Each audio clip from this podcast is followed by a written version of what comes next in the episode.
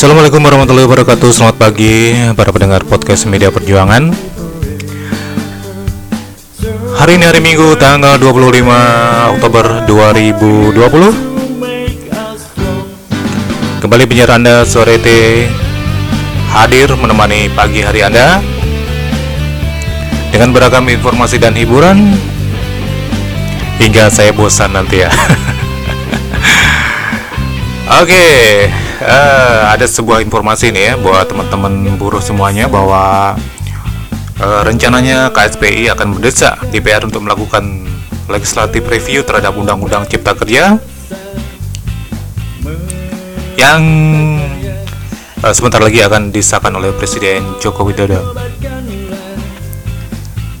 KSPI telah mengirimkan surat kepada 9 fraksi di DPR guna mengajukan permohonan pengujian legislatif atau legislatif review terhadap Undang-Undang Cipta Kerja.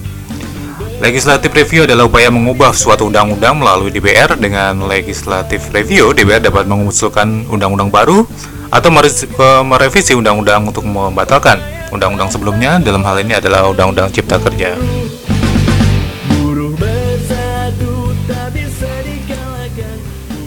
Presiden KSPI Said Iqbal mengatakan bahwa mereka sudah mengirimkan surat resmi kepada 9 fraksi di DPR RI dengan tembusan ke pimpinan DPR, MPR, DPD, dan 575 anggota DPR. Isi surat itu adalah tentang permohonan buruh meminta kepada anggota DPR melalui fraksi agar melakukan legislative review.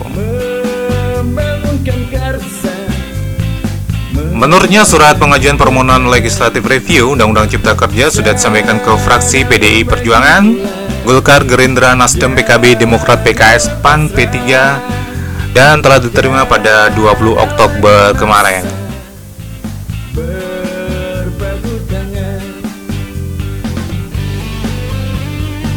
KSPI meminta uh, eh, DPR melakukan legislative review karena RU atau Undang-Undang Cipta Kerja telah mendapatkan penolakan keras dari masyarakat luas, bukan hanya dari kalangan pekerja. Oleh karena itu, DPR harus mengambil sikap tegas melakukan legislative review.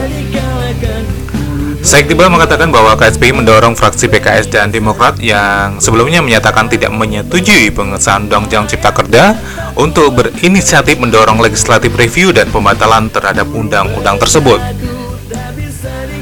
KSPI dan serikat buruh lainnya juga berencana akan mengadakan aksi nasional saat DPR melakukan sidang paripurna pertama awal November mendatang. Para pekerja berencana menggelar aksi di depan gedung DPR RI di Jakarta dan kantor-kantor DPRD di provinsi daerahnya masing-masing.